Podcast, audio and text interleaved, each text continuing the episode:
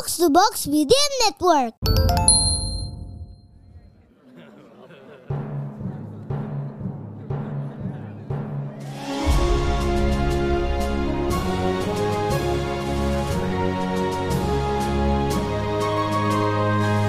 Perhatian, perhatian. Dongeng Paman Geri akan segera dimulai.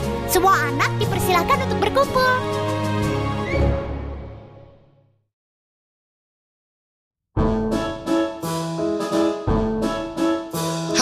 Adik-adik. Dari podcast Dongeng Paman Geri Kadang-kadang selain mengajak untuk datang ke tempat-tempat di mana kita bisa melihat ada kerajaan yang indah Kali ini Paman Geri mau ngajak juga ke supermarket. Ah, Kalau seandainya ke supermarket biasanya eh, eh coba contohnya ya. Nih Paman Geri lagi mau beli ada kue. Tapi Paman Giri pengen tahu dulu di dalam kue ini ada bahan-bahannya apa aja ya. Dibungkusnya biasanya, oh ada MSG-nya. Oh kalau gitu nggak jadi deh. Tunggu, kalau yang ini, wah ini ada gulanya, tepung dan, wah kayaknya enak. Ini aja deh. Sa- kalau yang ini, Oh, seperti dibungkusnya dikasih tahu bahwa loh sudah sudah kadaluarsa. Wah. Wah, nggak jadi deh kalau gitu. Tapi ini tulisannya kecil-kecil sekali Paman Giri jadi susah lihatnya adik-adik. Ah, atau jangan-jangan perlu kacamata ya. Nah, ini sama dengan cerita yang ada di sini sekarang. Putri yang kayaknya butuh kacamata.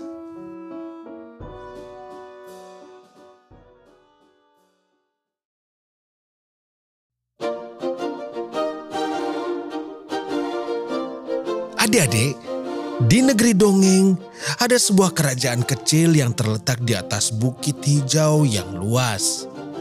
Kerajaan itu selalu damai. Di sana juga aman dan warganya juga saling bersahabat.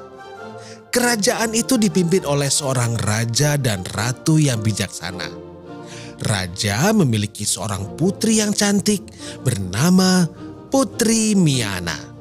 Ia baik hati, juga periang dan punya banyak teman. Tapi sayangnya, Putri Miana ini sering sekali terlambat datang ke acara apa pun.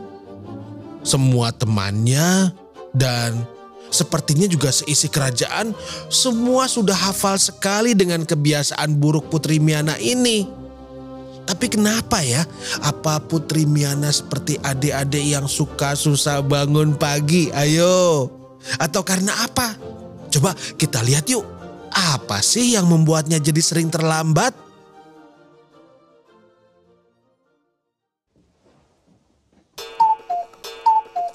Aduh, udah jam 8. Aku kan ada janji sarapan bersama tamu dari kerajaan seberang. Aduh, gimana ini?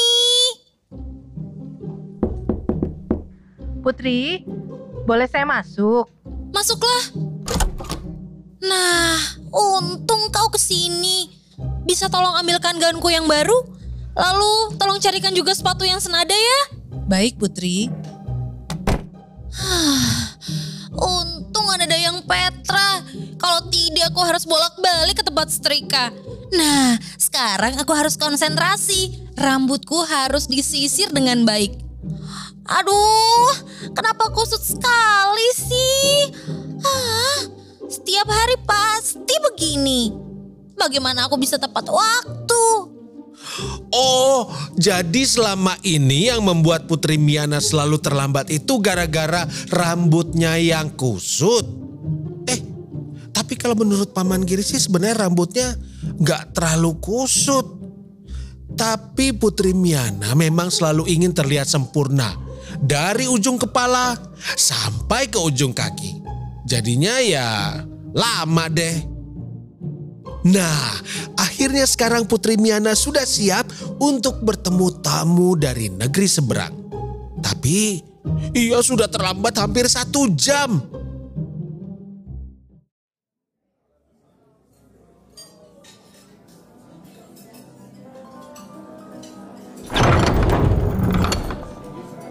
Selamat pagi. Maaf, saya terlambat. Tadi ada sedikit urusan mendadak. Hmm, ya bisa dimengerti. Seorang putri raja yang sibuk seperti Anda tentu punya banyak urusan. Eh, bukan begitu. Maksudku, aduh, Hati-hati putri. Waduh, Anda hampir saja jatuh tersandung tangga. iya. Saya memang kadang ceroboh begitu. Anak tangga ini kelihatan berbayang. Maafkan saya, Tuan. Saya benar-benar minta maaf. Saya mohon, jangan pergi dulu. Mari kita nikmati sarapan yang disiapkan koki terbaik di kerajaan ini. Tamu dari kerajaan seberang itu ragu-ragu. Lalu kembali duduk. Tutur kata yang sopan dan juga suara lembut Putri Miana ternyata bisa menghilangkan kekesalannya. Setelah suasana cair, mereka pun mengobrol dengan asik. Wawasan Putri Miana memang luas. Ia bisa ngobrol tentang apa saja dengan siapa saja.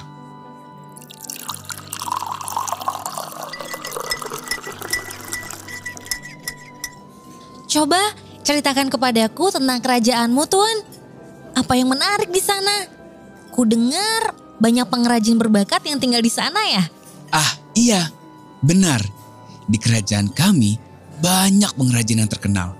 Seperti pengrajin jam, pengrajin tenun, dan juga pengrajin kacamata. Kacamata? Wah, menarik sekali. Pasti bentuknya bagus dan unik. Eh Tuan Putri, jangan minum tehnya. Tadi Tuan Putri memasukkan garam ke dalam cangkir teh, bukan gula. Eh, maafkan kalau saya lancang. Tapi tadi juga Tuan Putri hampir tersandung karena tidak melihat anak tangga. Eh, mungkin Tuan Putri mau berkunjung ke pengrajin kacamata di kerajaanku? Putri Miana awalnya terkejut. Ia tidak pernah menyangka ada masalah dengan matanya. Tapi mungkin bangsawan dari kerajaan seberang ini ada benarnya juga ya. Jangan-jangan selama ini Putri Miana sering terlambat karena ia tidak dapat melihat dengan jelas. Jadi saat menyisir rambut misalnya, ia melihat rambutnya masih berantakan dan berbayang padahal sebenarnya sudah rapi. Begitu juga saat melihat gaun. Ia pikir gaunnya lecek belum disetrika. Padahal sebenarnya sudah. Akhirnya Putri Miana berkunjung ke pengrajin kacamata di negeri seberang.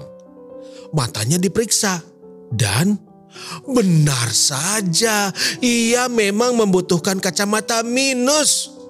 Akhirnya Putri Miana pulang dengan membawa sepasang kacamata yang cantik dengan gagang terbuat dari perak. Dan sejak saat itu Putri Miana tidak pernah terlambat lagi. Dan yang juga tidak kalah penting, dia nggak pernah lagi memasukkan garam ke dalam tehnya.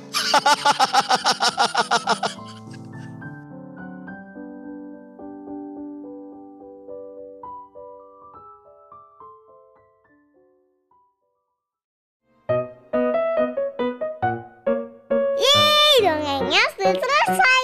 Jumpa lagi di dongeng Paman Geri selanjutnya.